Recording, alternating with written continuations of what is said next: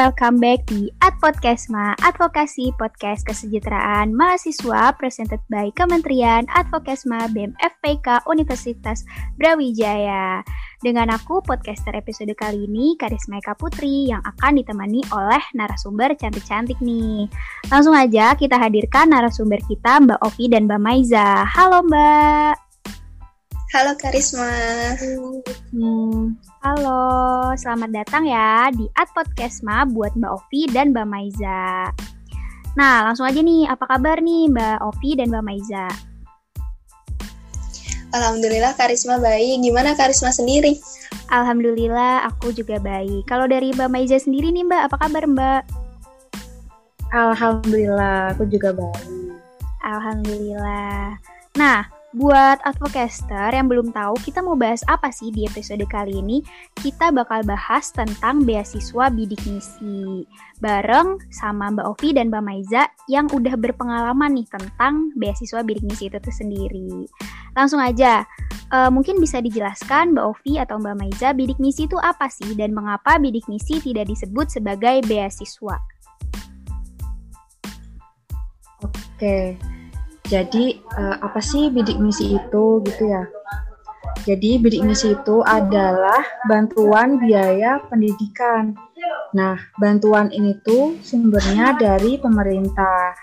Nah, biasanya ditujukan khusus bagi para lulusan-lulusan SMA yang notabene itu mempunyai keinginan dan potensi akademik, tapi memiliki keterbatasan dalam hal finansial untuk melanjutkan ke jenjang sarjana gitu. Nah, terus kalau mengapa bidik misi itu tidak disebut sebagai beasiswa? Nah, itu karena pada prinsipnya kalau bidik misi itu kan bantuan biaya ya. Nah, kalau beasiswa itu itu merupakan suatu yang diberikan atas penghargaan atau prestasi, baik itu prestasi akademik ataupun prestasi non akademik kayak gitu, Risma. Oke, terima kasih buat Mbak Maiza atas penjelasannya. Langsung aja, uh, biasanya nih pendaftaran bidik misi itu dibuka pada perkiraan bulan apa? Mungkin bisa dijawab? Hmm, Oke, okay, Karisma. Sebenarnya kalau untuk pendaftaran bidik misi itu kan bertahap ya. Jadi mulai dari pendaftaran sekolah, daftaran siswa oleh sekolahnya, kemudian dapat kode akses dari sekolah buat masuk ke laman bidik misinya, kemudian ngisi-ngisi berkas. Nah, itu prosesnya lumayan panjang tuh Karisma. Jadi biasanya dari awal semester 2 atau sekitar bulan Januari sampai kita dinyatakan masuk perguruan tinggi itu biasanya sekitar bulan Agustus atau September. Oke, jadi uh, pendaftaran bidik misi itu dilakukannya dari waktu kita masih SMA gitu ya kurang lebih ya. Iya betul. Oke, lanjut nih ke pertanyaan selanjutnya. Apa aja sih Mbak persyaratan untuk mendaftar bidik misi ini? Dan lalu apakah mahasiswa yang aktif atau mahasiswa yang sudah diterima di perguruan tinggi boleh mendaftar? Mungkin bisa langsung dijawab. Oke, aku izin menjawab ya. Jadi untuk persyaratan daftar bidik misi itu, nah jadi gini, untuk tahunku dulu kan aku kan angkatan 2019. Nah, jadi kalau tahun 2019 itu memang masih berlaku untuk bidik misi. Nah, namun untuk satu tahun berikutnya, mulai dari angkatan tahun 2020 sampai seterusnya, nah itu sudah diberlakukan KIP kuliah. Nah, jadi mungkin di sini aku jelasin persyaratan daftar KIP kuliah aja ya. Iya, boleh langsung, Mbak. Jadi untuk persyaratan daftar KIP kuliah itu yang yang pertama penerima KIP kuliah itu merupakan lulusan siswa SMA atau sederajat yang e, lulus pada tahun yang sedang berjalan atau dua tahun sebelumnya. Nah kemudian dia memiliki potensi akademik tapi memiliki keterbatasan ekonomi. Nah itu biasanya dibuktikan dengan beberapa dokumen pendukung.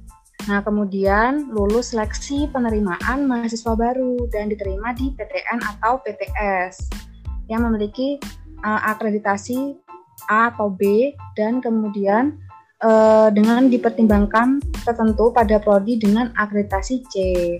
Nah, untuk keterbatasan ekonomi itu bisa dibuktikan dengan kepemilikan kartu KIP atau kartu Indonesia Pintar, kemudian PKH, KKS, atau merupakan mahasiswa dari panti asuhan. Nah, Uh, tapi untuk selain persyaratan tersebut masih bisa nih untuk daftar KIP kuliah bagi yang masih memenuhi syarat tidak mampu secara ekonomi. Nah, itu bisa dibuktikan dengan pendapatan kotor gabungan orang tua atau wali itu paling banyak 4 juta setiap bulannya. Nah, itu bisa dibuktikan dengan surat keterangan penghasilan orang tua. Nah, atau pendapatan kotor gabungan orang tua itu jika dibagi dengan jumlah anggota keluarga itu paling banyak 750 gitu. Nah, kemudian untuk kasus mahasiswa aktif itu boleh mendaftar apa enggak sih gitu ya. Nah, itu tuh gini, uh, itu sebenarnya tidak bisa untuk peraturannya karena KIP kuliah itu dikhususnya dikhususkan itu bagi calon mahasiswa atau lulusan SMA sederajat kayak gitu. Jadi untuk mahasiswa aktif itu udah nggak bisa ya. Kayak gitu sih Risma. Oke, terima kasih buat Mbak Maiza atas jawabannya. Jadi sekarang itu bidik misi tuh udah berganti nama ya Mbak istilahnya jadi KIPKA ya ya. Aku udah sering sering denger sih itu dari angkatan aku emang sekarang disebutnya KIPKA. Nah, hmm. oke. Nah, buat selanjutnya nih eh, bagaimana dan seperti apa tahapan dari seleksi KIPKA itu sendiri ya? Uh, kalau tahapan seleksi KIP kuliah itu uh, yang pertama biasanya siswa itu melakukan pendaftaran secara mandiri nih di lamannya kipkuliah.kemendikbud.go.id atau melalui aplikasinya KIP kuliah langsung yang bisa diunduh di Play Store. Kemudian uh, setelah itu si siswanya ini melakukan pendaftaran kayak memasukkan email aktifnya, kemudian NIK, NISN dan lain sebagainya. Kemudian dari sistem KIP kuliah ini selanjutnya akan memvalidasi email tersebut. Nah, setelah proses validasi, sistem KIP kuliah ini selanjutnya akan mengirimkan nomor pendaftaran dan kode akses ke alamat email yang didaftarkan.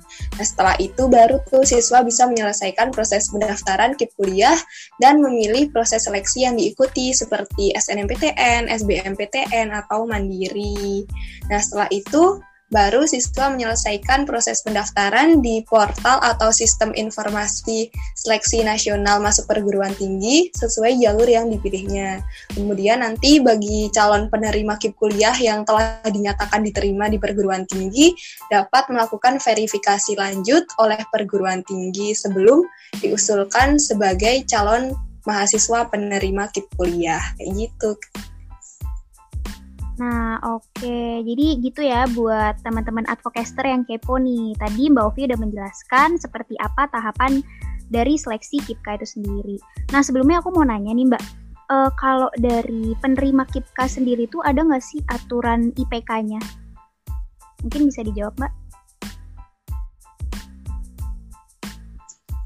Kalau aturan IPK-nya itu uh, kurang tahu ya kalau yang KIPKA ya. Kalau untuk yang bidik misi itu pokoknya setiap semesternya itu nggak boleh kurang dari tiga gitu. Oke, nah ini uh, aku mau tanya nih Mbak sekarang, kalau nilai IPK kita atau yang penerima bidik misi itu sering naik turun, apakah bisa untuk menerima bantuan ataukah nanti dicabut bantuannya atau seperti apa Mbak? Mungkin bisa dijawab?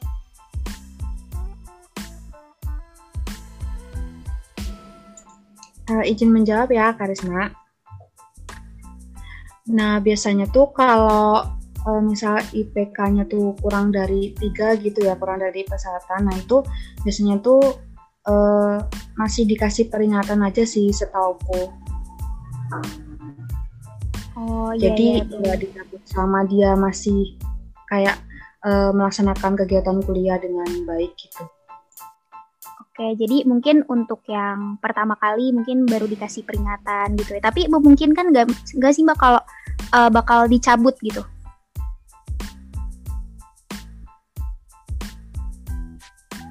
Uh, memungkinkan sih karisma, soalnya kan uh, itu memang sudah ketentuan dari pemerintahnya seperti itu ya.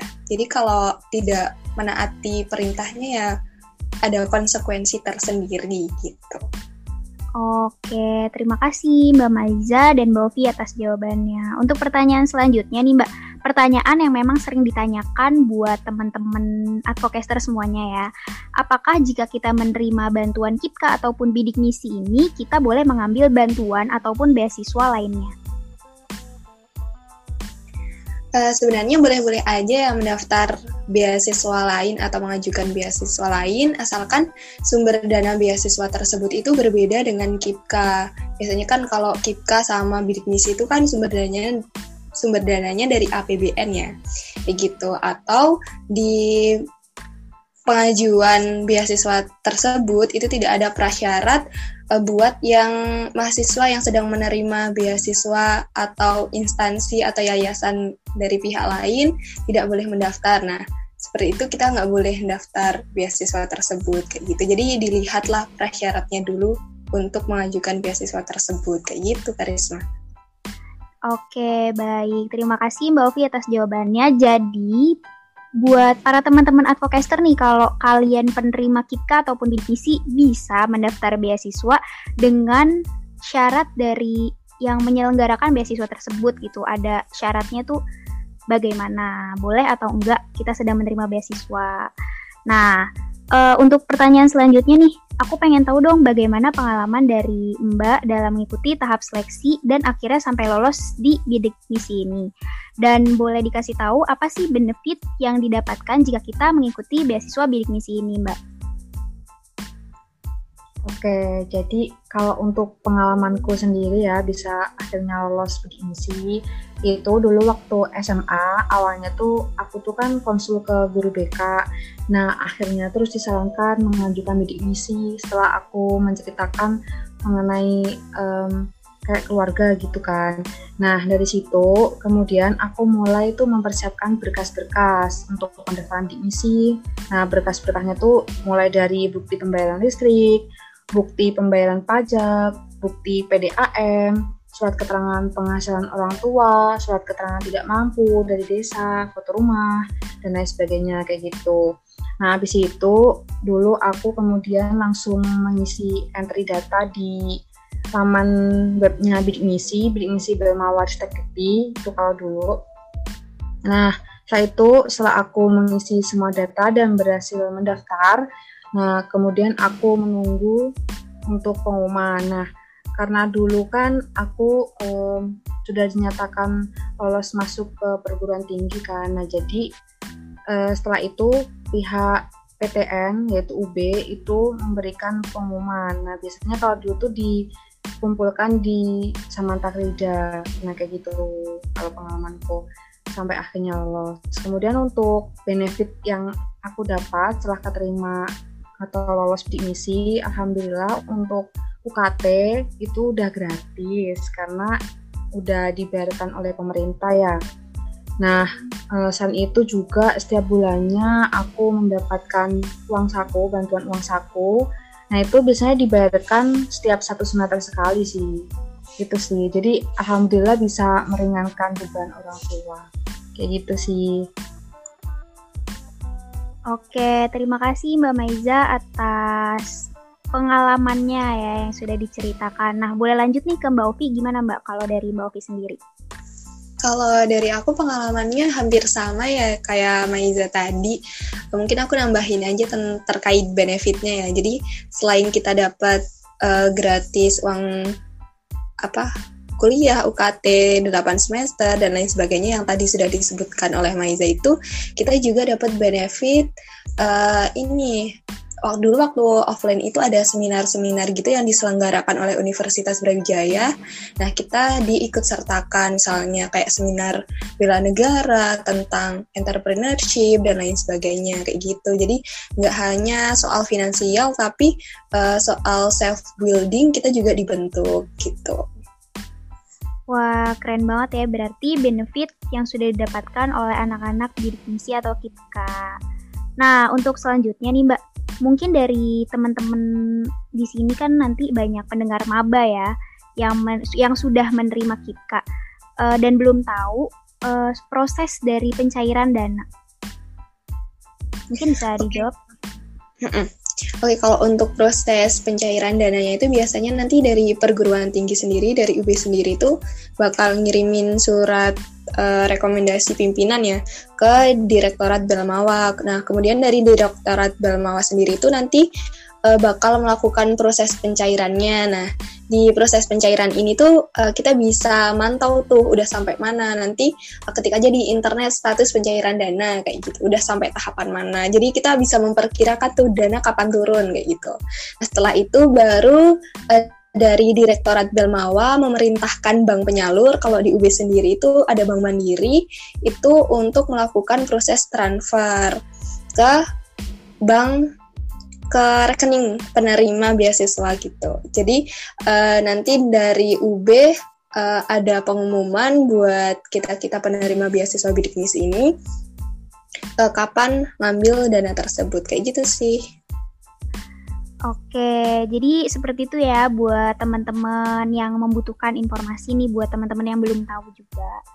Nah, uh, lanjut ke pertanyaan terakhir nih Mbak, apakah ada official account yang bisa kita akses untuk mendapatkan info-info terbaru dari bidik misi atau KIPKA? Mungkin bisa langsung dijawab. Oke, okay, nah kan sekarang udah beralih ke KIP kuliah ya, jadi mulai angkatan 2020 ini, jadi teman-teman bisa akses di lamannya uh, atau langsung aja uh, cari-cari informasinya ke Instagram accountnya Kip Kuliah.